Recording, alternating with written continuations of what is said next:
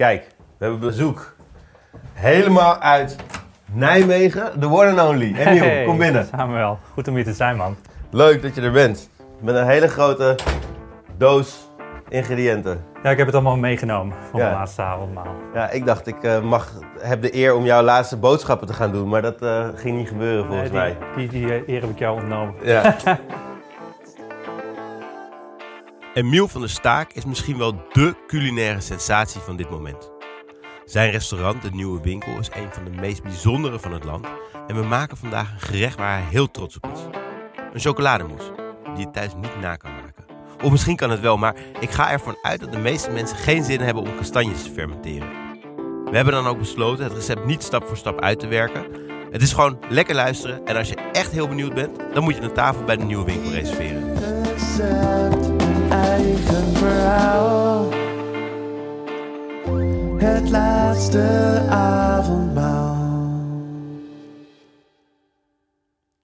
Zou ik graag een recept koken waar ik eigenlijk heel trots op ben. En Ja. Het gebeurt niet vaak in je carrière dat je iets ontdekt waarvan je het gevoel hebt van ja, dit is wel echt fantastisch. Ik had het nog niet eerder gezien en eh, daar ben ik echt trots op. Dus het Ja. leek me leuk om dat dan de gasten bij het laatste avondmaal voor te zetten. De laatste maaltijd wordt een ode aan jezelf. Eh, nou ja, het wordt in ieder geval iets waar ik fier op ben. En Ja. dat is de mousse van chocola. Alleen is niet gemaakt met chocola, maar met kastanjes. Dus om een of andere mystieke reden lukt het om de formule die chocola maakt aan te passen, de cacaobonen eruit te halen en te vervangen door kastanjes. En later met terugwerkende kracht begreep ik beter wat we gedaan hadden. Maar op dat moment was het een moment van verrukking bij het besef dat het naar chocola smaakt. Ja, wauw. Dus dit is een, iets waarvan je zegt, hier ben ik trots op. Dit moet er nog één keer, moet ik dit eigenhandig serveren aan de mensen met wie ik mijn laatste avondmaal op. Ja, omdat inderdaad wat je zegt, ik ben er dan trots op. Ik heb daar eh, heel veel voor moeten laten mislukken eigenlijk. Ja. Zoals bij ons in het restaurant vaker gebeurt. En dan heel af en toe lukt er iets. En dat is, dan is dit een mooi voorbeeld. En het is eigenlijk ook een voorbeeld waarbij die kastanjes zo belangrijk zijn. Want als we dus meer kastanjes gaan eten, dan hebben we meer kastanjebomen nodig. Nou, en dat is nou net even wat prettiger naar je werk fietsen door een bos Ja. met woudreuzen, zoals de kastanje. Dus dat kan ook nog eens een recept zijn. We weten het nu nog niet. Misschien degene die over 50 jaar deze podcast terugluistert, zegt van het klopte. Het is fantastisch geworden. Onze kastanjes gaan de hele wereld over. Overal kastanjebomen geplant, want chocola was van Ja. de vorige... En er zijn weer vogels en er zijn weer insecten, want er is een bos aangeplant. Hè. Dat zou zomaar kunnen op basis van een simpele ontdekking als deze. Ja. Maar ik ben een dromer, dus Maar vertel even, want je bent een dromer, maar je, je bent ook gewoon echt een hele goede chef. Voor mensen die je niet kennen, je hebt een restaurant in Nijmegen. Je hebt onlangs ook een ster, of misschien zelfs wel twee sterren gekregen. Want je bent ook een van de weinige chefs die een groene ster heeft gekregen. Ehm, wat doe je daar in Nijmegen? Wat, wat, is, jouw, eh, ja, wat is jouw idee? we hebben in ieder geval alles gedaan in de afgelopen tien jaar om geen ster te krijgen. Dus het is een klein wonder dat dat dan toch gebeurt. Ja, Want je als je- niet, goed- niet hard genoeg je best gedaan. Nee, zeker niet als je bedenkt dat je, hè, je kunt jaarlijks die selectie van Michelin bekijken en dan beproef je bepaalde voorkeur. Ja. Dat is gewoon een simpele vaststelling. En als je een Michelinster wil hebben, dat was altijd mijn veronderstelling, dan zal je toch iets meer in de richting van de voorkeuren van Michelin moeten werken. En dat hebben wij nooit gedaan. Wat zijn die voorkeuren? Nou, in de regel zijn het restaurants eh, natuurlijk eh, in het hoge segment. Hè, dus een bepaalde besteding heb je daar. En dan vaak op basis van luxe producten wordt het menu samengesteld... waarbij vis en vlees domineren. Er zijn zelden eh groentegerechten te vinden in die zaken. Gelukkig verandert dat wel en dat gaat echt de goede kant op. Maar van oudsher is dat een beetje het, het clichébeeld... wat je kan hebben bij een sterrenzaak... nog los van het kristal zilver linnen. En Ja. ook dat is gelukkig aan het verschuiven. Maar nog altijd was dat wel eh puur op basis van die lijst... die ook vorig jaar, vorig jaar en het jaar daarvoor werd gepubliceerd... de conclusie die ik eruit tr- uit trok. Er was nooit een restaurant zoals het onze, Nee. zeg maar, dat tussen die eh anderen stond. Dus Ja. Zijn er vergelijkbare restaurants in Nederland überhaupt? eh, nee. nee, we zijn de enige eh, die nu zowel gewoon als we dus ook die groene ster hebben gekregen... die zo nadrukkelijk met groente werken. Het is eigenlijk 99% praktisch gezien zijn we een vegetarisch restaurant. Ja. Maar we hebben ook weer niet. We, geloven ook weer niet in dogma's. Dus ik ben niet tegen vlees of zo. Maar het is op de plek waar het hoort. Als Ja. een extraatje. Of Ja. voor wat extra spektakel of een extra laag smaak. die je op een andere manier niet voor elkaar krijgt. Dan kan het nog steeds een functie hebben. Maar vaak is het helemaal niet nodig. Ik heb nu een paar keer bij Emiel gegeten en ik kan niet genoeg benadrukken dat het echt een hele bijzondere zaak is. Er wordt bijna helemaal vega gekookt en de creaties zijn stuk voor stuk smaakexplosies, vaak van voor veel mensen nog onbekende ingrediënten. Emiel is eigen gereid en tegelijkertijd ingetogen. Dat hoor je ook aan de manier waarop hij zijn eerste Michelinster viert. eh, naar het schijnt heb ik de gesponsorde fles champagne gepakt. Ten overstaan van het personeel die natuurlijk wilde dat ik me openmaakte. En ik sprak de legendarische woorden, misschien moeten we hem bewaren voor een bijzonder moment. En dat heb ik echt oprecht al mijn onnozelheid zo gezegd. Eh, dus dat illustreert wel een beetje hoe Ja. ik soms dingen ook gewoon niet door heb. Was het je team... Want jij zegt, wij hebben eigenlijk alles eraan gedaan om niet een Michelinster te krijgen. Ik neem aan dat het een beetje figuurlijk is. Want uiteindelijk hebben jullie natuurlijk heel hard je best gedaan om er gewoon een heel mooi restaurant van te maken. En ik kan me voorstellen dat het ook... Nou, misschien is het ook vooral een compliment naar Michelin toe. Dus dat ze dit soort restaurants nu een ster gaan geven. Maar dat het toch ook wel voor het team een flinke opsteker moet zijn geweest. Of een soort van erkenning. Want jonge chefs die vinden het natuurlijk uiteindelijk wel mooi om de hoogst haalbare Nee, dat klopt zeker hoor. erkenning te krijgen. Ik zal het niet ontkennen, we hebben in- in ons vak niet heel veel van dit soort instituten. Eigenlijk is Michelin de enige, zeker internationaal gezien. En dat wordt wel eens vergeleken met de Pulitzer Prize en de Oscars. Maar dan voor chefs heb je dan Michelinster. En zeker ook voor jonge chefs is het aantrekkelijk om in een bedrijf te werken dat een Michelinster heeft. Dus in alle opzichten kan ik er ook alleen maar blij mee zijn dat we hem natuurlijk hebben. Want het gaat ons ongetwijfeld verder helpen. Ja. Zo is het ook. Hey, we even kijken naar wat jij allemaal mee hebt genomen. Want je hebt, allemaal, je hebt je volgens mij goed voorbereid. We gaan chocolademousse van niet chocola maken. Ja, het is in die zin een chocolademousse recept wat we ook met chocola zouden kunnen maken. Alleen we hebben de chocola vervangen door, eh, door de gefermenteerde en geroosterde kastanjes. Dus ik heb daar alvast een eh, pasta van gemaakt. Zoals Ja. je dat ook met chocola zou doen. Daar gebruiken we een, eh, zo heet een wet grinder voor. Dus dat zijn twee granieten stenen. Dat is deze. Ja. Dus mensen, als jullie mee willen koken, pak je twee granieten stenen. Een vijzel zou misschien kunnen. Oh, hij staat daar links. Oh ja. Ik had hem daar neergezet. ja, even. Je hebt wel een de- soort van hele opstelling gemaakt. Ja, een beetje... In mijn rommelige keuken heeft Emiel een soort van netjes plastic bakjes neergezet met stickertjes erop. Ik ga even ruiken, mag dat? Ja. Dus dit is de. Ja, het is de pure chocola. Dus als je dit van cacaobonen zou maken, zou dit echt zeg maar 99% chocola En dit zijn. is van cacao gemaakt. Oh, dit, Dit is van van kastanje, gemaakt. Ja, die hebben we gefermenteerd en daarna geroosterd. En dat is ook precies wat je zou doen als je chocola maakt van cacaobonen. En dan fermenteer je ze. Je doet er eigenlijk niks anders mee dan ze gewoon op een wat warmere temperatuur wegleggen. Of moet daar nog een bepaalde bacterie, schimmel bij komen kijken? We laten het incoleren inderdaad met een specifieke schimmelstam. Ja, ja. En die eh, zorgt voor een omzetting. En toen we dat aan het doen waren, toen realiseerden we ons wat een geweldig aroma. Ja. Ook naar perzik. Na het roosteren werd het meer richting chocola. Die hebben we. Ja, we hebben wat eiwit nodig. eh, daar maken we eiwitschuim van, zoals Italiaans schuim, zoals dat zo mooi heet. Dus met gekookte suikersiroop. Eh, we hebben wat room. Ja. Die hebben we ook moeten lobbig slagen, slaan. We hebben wat gelatine die we nodig hebben om het op te laten stijven. En daarnaast, naast die niet chocolademousse, maken we nog een kompot van gedroogde pruimen. De pitten hebben we eruit gehaald en geïnfuseerd in room. En dan hebben ze de eigenschap dat ze de amandelsmaak afgeven. hè, want pruimen zijn eh, steenfruit. Ja. Dus dat wordt dadelijk het gerecht, de, de niet-chocolademousse, de pruimenkompot. En er zit wat drank in. Ja. En de lobbig geslagen room geïnfuseerd met de pitten van de pruimen. Dus die smaakt een beetje naar amandel. Leuk. Volgens mij moeten we gewoon aan de slag gaan. Want anders dan, hoeveel, hoe lang hebben we ongeveer nodig voor het gerecht? Ik heb eigenlijk geen idee, maar we, We gaan gewoon beginnen. we moeten gewoon beginnen. Wat, ehm, wat hebben we nodig en wat kan ik doen? Wat ga jij doen? Nou, je kan 100 gram eiwit afwegen en Ja. de bekken doen. Ja. Eh, Wil je die hierin gewoon, eh, moet die geslagen? Of wil je dat uiteindelijk moet hij geslagen, moet het alleen even goed timen. Want we moeten eerst die suiker met het water opkoken. Dus je mag eh, eh, 50 gram water afwegen met 190 gram suiker. En dan op het vuur zetten. En dan heb ik zelf een thermometer meegenomen. Ja. Kook hem op tot 121 graden. Een stilpan.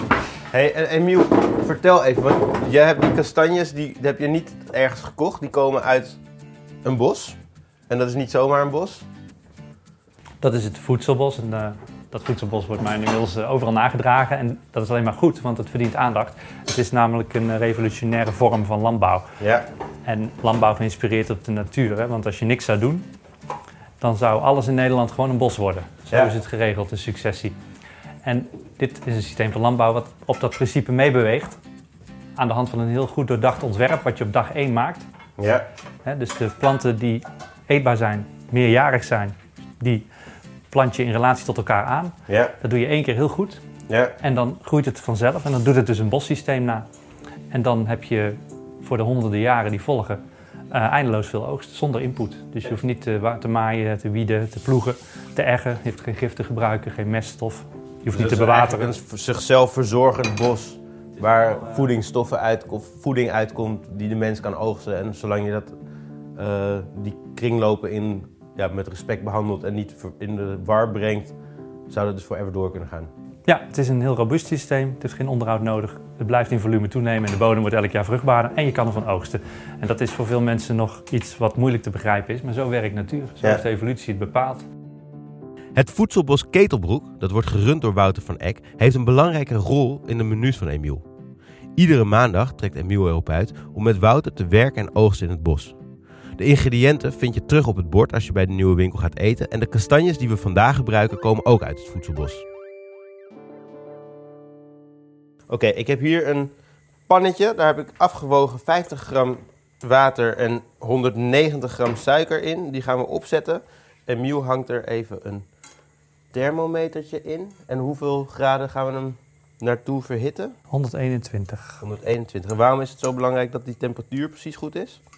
Dat ehm, maakt uiteindelijk dat je het best eh, Italiaanse kookschuim krijgt. Maar Dat- En wat is iets, zeg maar, dat gaart dan eigenlijk straks de eiwitten? ja, Ja. dat is de truc en dan wordt het veel stabieler door. Even? Ja, we gaan eiwit kloppen. Ja, toch? Zet hem maar even zacht. Zullen we, heb, heb- moet het afgewogen worden of had je dat stiekem al gedaan? Nee, dan moet je nog even afwegen. Oké. Eh, doe maar 100 gram. Ehm, ik ga even herrie maken. Ja, Ik heb hier dus 100 gram eiwit die ik luchtig ga kloppen. goed idee. Ben jij, vind jij patisserie leuk? Eh, niet echt. Nee? Het plakt. het is wel echt een specialisme, moet ik zeggen. Wat vind je het leukste in de keuken? Als er zeg maar één kant is of als er één plek is waar je het liefste staat? Dan, eh, dan is het gewoon het servies draaien. Hè. Dus het moment dat alles samenkomt, je hebt het goed voorbereid. eh, dat alle minuutwerk op het fornuis, dat is uiteindelijk een eh, leuke sport om, eh, om daar het overzicht in te houden, de controle te houden. En, en heel snel die borden te dresseren.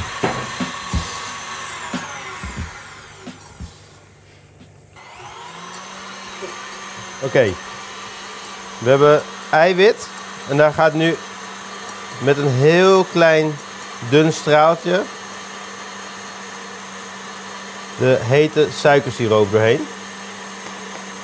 Als dit dan niet echt jouw afdeling is in de keuken, hoe komen jullie dan met je team tot zo'n gerecht?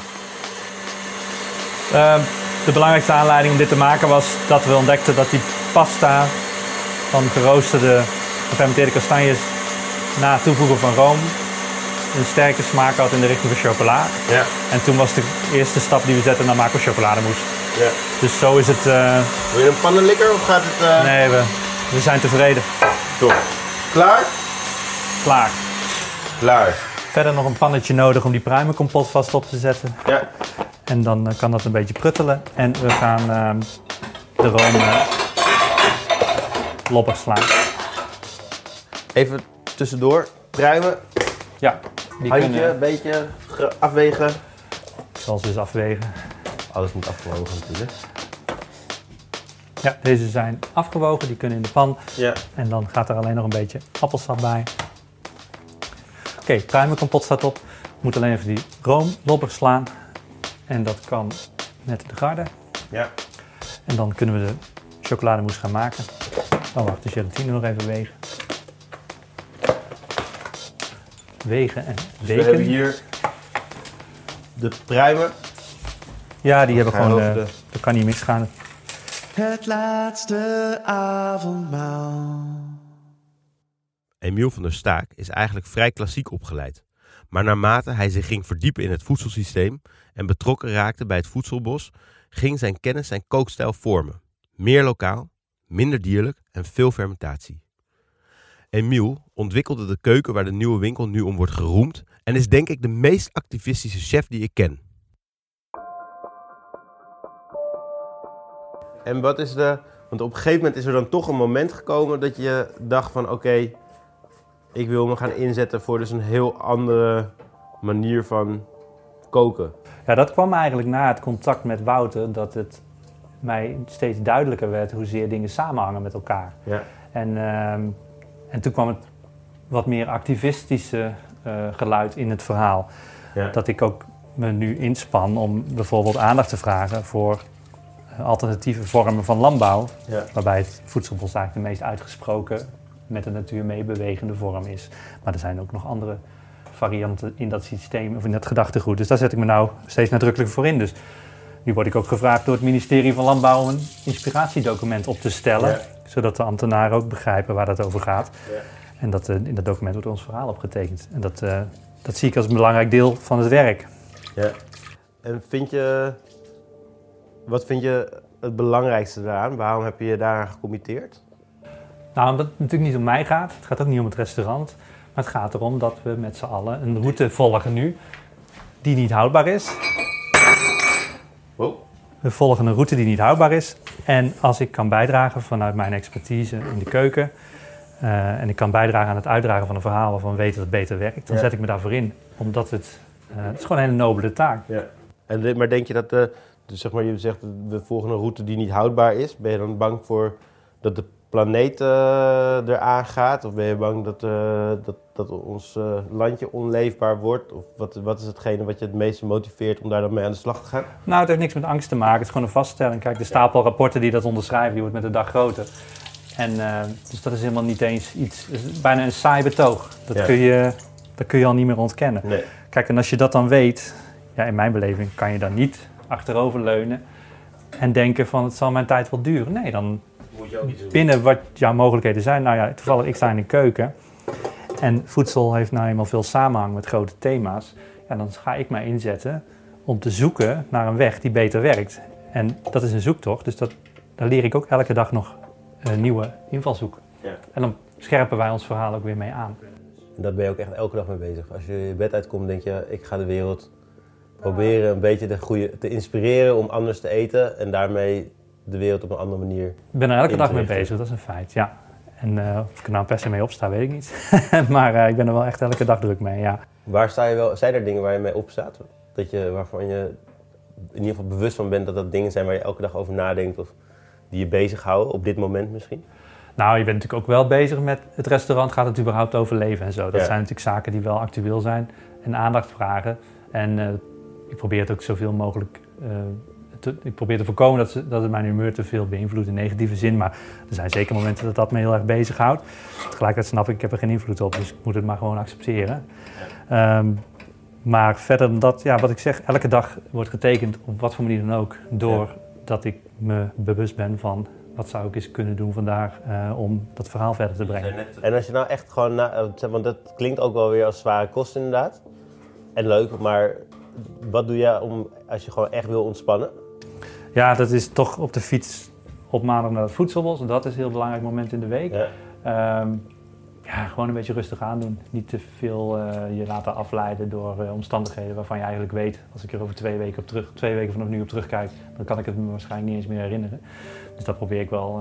eh, Is dat ook een levensles misschien? Van inderdaad, maak je niet te druk over de dingen die over een paar weken niet meer zo belangrijk zijn? ja, absoluut. Ja, kan het iedereen aanbevelen om die proef te doen bij het probleem wat hij nu ervaart.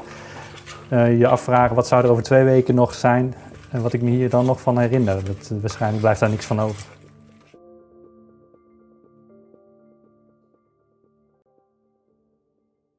Even wat eh, weer tussendoor. We hebben hier staan. Eh, Italiaans schuim. En, Dit is het Italiaanse schuim. Precies. en we hebben daar nog... Hier eh, room. ja, en ik ben de hele tijd aan het praten en denk, ik zet hem maar niet aan, maar zet hem maar even aan. Zet hem maar even aan. Precies. een lobber slaan.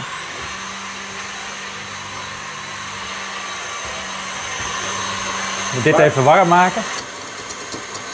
Ik wil even proeven. Proef het nou echt al nu? Is dit een soort van chocoladepasta als ik dit nu zou proeven? Hij is ontzettend bitter. Ja. Dus wat ik net al zei, het is bijna 100% chocola. In de zin dat het, als jij een pure reep Oh, chocola ik hebt. aan het gaan denken. Nou, dat komt goed, joh. Ja? Oké. Bijna je laatste avondmaal verpest. Dat zou toch... Wat zijn? Ik zou er wel om kunnen lachen hoor. Dat dat Ja? dan de conclusie is van het Ja? leven. Dat het laatste avondmaal mislukt. Ben je dan wel weer, Ja. lu- sta je dan wel weer luchtig genoeg in het leven om gewoon... Ik, ik zie daar wel echt de humor van. Ja? Dan heb je je hele leven gewijd aan het vak en het eh, onder de knie krijgen van een métier. En dat je de chocolademousse in de schip laat gaan of zo. de laatste avondmaal laat mislukken. Ja, dat lijkt me dan wel een hele grappige conclusie. Ja. Dat is ook gelijk alles relativerend. Ik proef even, want jij hebt hier Je moet me even vertellen, je bent hier de kastanje aan het opwarmen. Ja, die pas- pasta van gefermenteerde geroosterde kastanjes, er zat al wat room bij, hebben we glad gedraaid en daar heb ik net de gelatine in opgelost, na hem iets warm gemaakt te Ja. hebben. Het is een vrij stugge massa. Ja, het is echt een En- soort van, voor mensen die natuurlijk nu denken, waar, waar kijken deze mannen naar? Een wat dikke Met zo'n wat chocoladepasta. dikke chocoladepasta. Ja, dit is gewoon stug en eh, het is niet lekker. Dat gaat tussen je tanden zitten, dat is allemaal niet fijn. Hoe kom je er nou in vredesnaam achter? Want je zegt, ik heb er een, eh, een schimmel op losgelaten, toch? Ja, nou, dat is toeval. In de zin dat we... We maakten dit al, die schimmel. Die, die schimmel lieten we al groeien. Ja. Omdat dat een eh, proces is wat eigenlijk gezien kan worden als de basis van de Japanse keuken. Zij Ja. noemen dat dan koji. Ja. En koji is de schimmel geïncoleerd, vaak op rijst. Ja. Nou, we waren er al druk mee om dat op andere producten te laten incoleren. En uiteindelijk dus op kastanjes. En we bedachten ons, we kunnen die koji, waar ze dan vervolgens ook sojasaus mee maken en miso, want het is een enzym dan. Nadat die schimmel is geïncoleerd, wordt het een enzym. En dat enzym is in staat om eiwit en zetmeel om te zetten. Ja. Nou, zo maak je dus miso en sojasaus en sake. Ja. Hè, wat ik al zeg, de basis van de Japanse keuken zou je kunnen zeggen. Maar toen we de koji continu aan het maken waren en alle afleidingen daarvan vervolgens, toen ontdekte ik dat die koji zelf een waanzinnig aroma heeft. Hè? Dat gaat een beetje toe naar perzik. Ik wou net zeggen, het heeft echt zo'n soort van fruitig perzikgeur. Ja. Ik heb laatst eh, een soort van risotto gemaakt van eh, rijst waar ik inderdaad de koji op los had gelaten. En het geeft echt een soort van hele tropische ervaring bijna. Ja, je, wordt iedere keer ook weer verrast door eh, wat, die, eh, wat die enzymen allemaal kunnen. Eh, soms wordt het inderdaad een tropische verrukking en soms wordt het iets wat meer naar rijpe kaas gaat. Ja. En anders wat er tussenin zit. En de vraag die wij ons stelden was, wat zou er gebeuren als we koji, waar je normaal dus verder mee gaat, zou behandelen als waren een ingrediënt. Dus we gingen, weet ik veel, koji-olie maken. We hebben koji eh, eh, geroosterd natuurlijk en toen kwam dit naar voren. Allerlei eh, manieren gezocht om daar dan eh, weer lekker eten van te maken. Maar toen het inderdaad ging roosteren en, eh, en we ontdekten dat het super bitter en complex was, voegden we er room aan toe en toen werd het in één keer eh, heel duidelijk de associatie gaf met chocola. Ja. Dus dat is bij toeval als gevolg van het stellen van een vraag eh, tot Leuk. stand gekomen.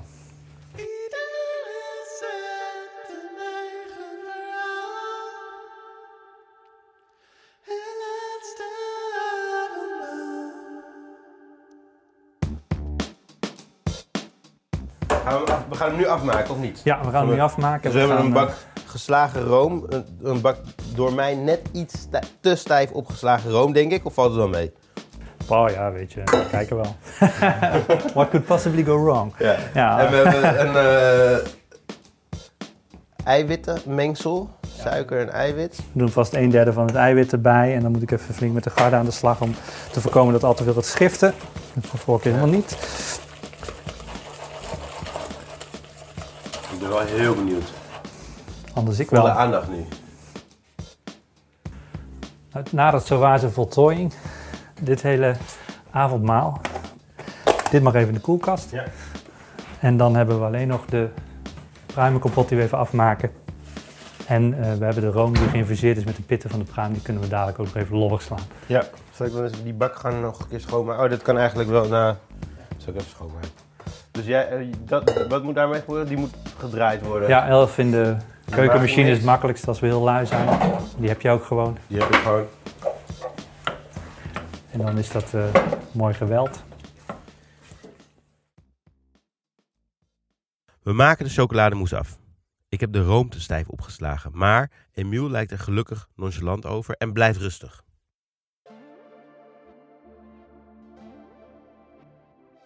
Word je wel eens echt boos op mensen in de keuken? Nee, Nee. nooit. Nee. Je bent zo'n chef die dan zegt dat je teleurgesteld bent. Nee, ik- ja, ja dat, dat inderdaad. Je kunt dan de volgende dag daarop teruggrijpen. En, eh, en, en er is ook niet direct... Kijk, je moet goed begrijpen dat als je personeel fouten maakt... 9 van de 10 keer is dat terug te herleiden naar jouzelf. Omdat jij of niet de goede instructie gaf... of de apparatuur voldeed niet... of het recept klopte niet. Ja. Eh, het is maar zeer zelden dat mensen... eh, met eh, moedwillig fouten maken. Ja. En als, eh, als dat laatst gebeurt, dan kan het zomaar gebeuren dat ik ook boos word. Maar ik snap vaak wel dat de omstandigheden bijvoorbeeld zo ongunstig waren dat het maken van een fout bijna niet te vermijden was. Kijk, en dan moet je denk ik eh, ander gedrag vertonen als leidinggevende. Dan moet je met Ja. zo iemand de volgende dag dat evalueren en vooral ervan leren om te voorkomen dat die situatie opnieuw ontstaat. Dus dat past boos zijn al helemaal niet bij. Ehm, dus nee, dat zal ik niet snel doen, nee. Maar en meer in, in zeg maar, de wereld van de gastronomie. Oh ja, dat was jouw algemeenheid. Nou, Nee, waar, ik me op over, over kon opwinden lange tijd, en gelukkig gaat het beter, is de arbeidsomstandigheden in het absolute to- topsegment. Er zijn gewoon nog, en wat ik zeg, het gaat nu beter, maar gaan we tien jaar terug in de tijd of zelfs nog iets verder, dan was het in de regel echt zo dat personeel werd uitgebuit. Eh, ik heb dat zelf ondervonden en ik hoorde dat dan ook terug van bijvoorbeeld leerlingkoks die bij ons kwamen en die eerder bij een eh, ander bedrijf hadden gewerkt. En dan denk ik, dit gaat niemand helpen, want vaak zijn het dezelfde chefs die dan kritiek hebben op het feit dat er steeds minder goede vakmensen zijn. En Ja. laten we dan met z'n allen afspreken dat dat enigszins samenhang kent. Ja, hè. Je het, moet dan- het moet een leuke, veilige plek zijn om ook weer goede mensen... moet veilig zijn, moet trekken. gewaardeerd worden. Eh, niet alleen in, in mooie woorden, maar ook gewoon financieel. En dat betekent dat dit is niet een vak wat je in 38 uur per week kan doen. Dat snap ik heel goed. Maar als je dan iemand meer dan 40, 50 uur laat werken, betaal hem dan op zijn minst. Ja. Ehm, en gebruik je machtspositie niet om eh, mensen uit te buiten. En er zijn nog altijd plekken waar dat gebeurt. En dat is niet eh, wenselijk, want op lange termijn krijg je inderdaad de situatie dat er te weinig vakmensen zijn. Je wil juist dat die mensen ook buiten hun werk om een leven hebben. En dat is de tijd waar we naartoe gaan. En het gaat mij soms niet snel genoeg. Ja. En dan ben ik wel weer ongeduldig. Ben je wel eens bang geweest van dat het overwerkt zijn echt zijn tol zou eisen... en dat, dat het ervoor zou zorgen dat je nou ja, burn-out zou raken? Of... Nou, er is gelukkig ook door de omgeving natuurlijk, eh, daar- en ook mijn vriendin speelt daar een rol in, eh, op tijd altijd ingegrepen. Maar er zijn zeker fases geweest waarin het toeging naar een situatie die niet meer houdbaar was. Ik kan me namelijk ook een moment herinneren dat ik eh, mijn rechterhelft verlamd was. Oh shit, dat, dat is wel... Maar dat is echt een hele, hele serieuze burn-out klacht. Althans, ik Ja. heb wel gehoord dat mensen dit hadden en dan... We hebben nooit kunnen achterhalen wat er precies gebeurd is en eh, uiteindelijk is het ook nooit meer gebeurd. Maar Is het voor een langere periode geweest? Nee, misschien was het maar 30 seconden. Maar ik zat op mijn kantoortje, het werk was gedaan. De koks kwamen ook langzaam binnen druppelen. Ja. Die, die dronken dan nog een biertje. En op dat moment voelde ik tinteling in mijn rechterhand. Ik had mijn telefoon in mijn hand. Ik deed er verder niks mee. Maar ik dacht, oh, er komt stroom vanaf, wat gek. En het kroop via mijn schouder naar mijn rechterhelft en mijn mondhoek ging hangen. En, eh, maar dat, de situatie was zo absurd dat eh, mijn keukenchef, en daar werk ik al meer dan zes jaar mee, die keek me aan en zegt: Hé hey jongens, de chef gaat dood. En toen ontstond er zo'n soort van. Als een soort van grapje. Ja, als een grap. En ik vond het zelf later ook heel erg grappig. En die adrenaline schijnbaar heeft me eh zo ver gered dat het meteen ook weer weg hebte. Ja. Eh, maar dat was wel een heel belangrijk moment van waaruit je je realiseert dat kan dus niet zo. En toen hebben we wel geleidelijk een stap ondernomen. Eh, ga eens een keer eerder naar huis of eh, kom eens wat later op je werk. Kunnen we dat niet anders inrichten? Waarom moet jij nou altijd die mails beantwoorden? Kan niemand anders dat niet? Enzovoort. Dus nu is er toch weer een stap gezet in de evolutie. Maar als dat niet was gebeurd, dan hadden we natuurlijk een andere route genomen. Dus gelukkig dat er dan een omgeving is ook die met je meedenkt en bij de hand neemt. Dus dat zijn wel angstige momenten in die zin. Dat, eh, zeker als je erop terugkijkt, had het ook anders kunnen gaan. Ja. Dus je moet altijd heel voorzichtig zijn, want die gezondheid is Heftig wel belangrijk. Wel heftig verhaal. Ja, nou, ik vind het zelf nog best wel amusant. Ook vooral omdat het een goed Goed, je hebt het goed afgelopen. Ja, natuurlijk. Ja. je kan Het nog steeds, het was niet je laatste, laatste Nee. dienst die je draaide. Nee, dat was niet ook mijn laatste avondmaal die dag, gelukkig. Nee.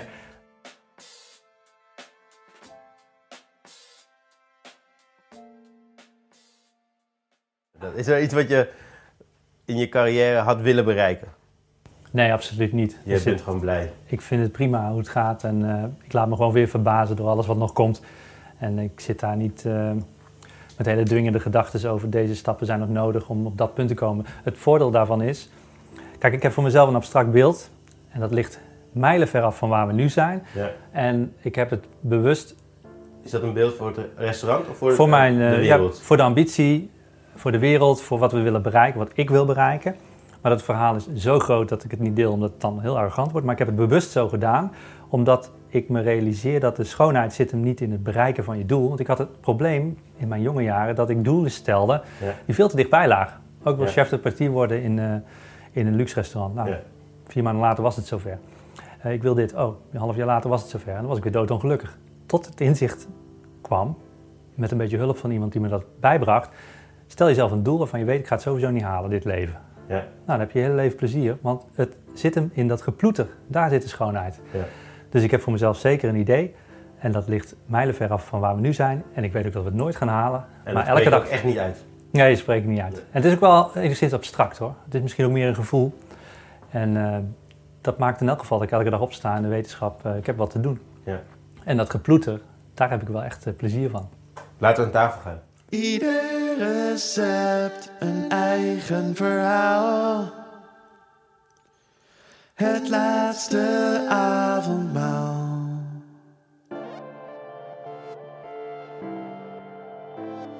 Het recept is af. De room is opgeslagen en de mousse is klaar. Het enige wat we nog moeten doen is de kompot draaien. We maken de borden op en gaan proeven. Oh, dit ruikt echt heel erg naar bitterkoekjes inderdaad. Ja, amandel. Is het alleen maar de pitten van de Ja. pruim? Ja, en dan eh 24 Heb je niks met, en met die pitten heb je daar nog iets mee gedaan? Of zijn die er gewoon zo in ge, open, gebroken? Ja, gekneusd. En dan eh, laat je dat infuseren. Dus ik gooide met pruimenpitten geïnfuseerde room ook nog even in de mm, KitchenAid. Ja. Nou, we zijn bijna zover dat we kunnen gaan dresseren. Zullen we aan tafel of moeten we de chocolademousse nog even laten... Nee, we doen deze nog even in de Magimix en dan kunnen we Oh aan ja, tafel. precies. Hey, en we hebben de chocolademousse in de koelkast staan. Die koelt af. We hebben de pruimen met wat appelsap opgezet. Die gaat nu ook in de Magimix. Daar moet ook... En rum zit erin en wat pruimen azijn die maken we zelf. En wat suiker inderdaad. Moet nog in de... Maak ik een klassieke foutje. Nou ja, ik heb, ik, volgens mij... eh, 1-1. Een beetje de rode, de rode draad podcast.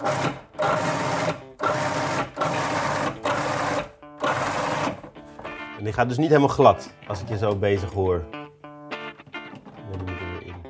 Het mag nog wel een beetje textuur hebben. Oké. Als jij een bord hebt. Emiel heeft een mooie knel van de pruimen op het bord gelegd. Is het de, echt dezelfde manier als dat jullie hem ook serveren in het restaurant? Of doen jullie dan nog weer wat extra toeters en bellen bij? Nee, het is bijna dezelfde manier. Het enige andere in het restaurant is dat die moes dan in een malletje wordt aangevroren en gestort. Dus dan heeft hij een super, super strakke vorm. Ja, En nu schep ik hem gewoon uit die bak. ja. Maar heel veel anders dan dat is het ook niet. Die, hoe heet het, is echt, die, eh, die pruimenpitten verbaast me altijd weer dat hoe, hoeveel smaak dat eigenlijk afgeeft. Echt de bitterkoekjes. Ja. Heel lekker. Maar nu gaan we echt voor de chocomousse.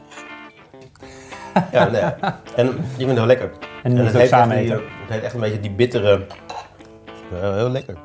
En, en het doet me ook echt aan iets anders denken nog. De, Ja, mokka, karamel. ja, precies. Een beetje de gebrande suiker, de bitter en de... Zeker, er zit meer in dan alleen de chocola. Dat is ook zo wonderlijk. Lekker man. Wauw, wat een bijzonder gerecht was dit. Drie kanellen op een bord die als je ze samen proeft echt iets weg hebben van chocolade. Voor een foto van het gerecht kun je mijn Insta of vriendvandeshow.nl slash laatste avondmaal checken. En als je het wil eten, dan moet je toch echt gewoon naar Nijmegen. Zeker het leven is meer dan eten en drinken alleen. Maar de reis van het samen bereiden brengt je in vervoering overal heen. Langs potten en pannen, kannen en kruiken, lukt het gerecht, maar valt je leven in duigen. De gasten staan te juichen. Vrienden onder elkaar, een luisterend oor. Trek de kasten maar open, bereid je voor. Creëer dien op, geniet, vertel, ventileer en adem rustig door. Ieder recept een eigen verhaal. Het laatste avondmaal.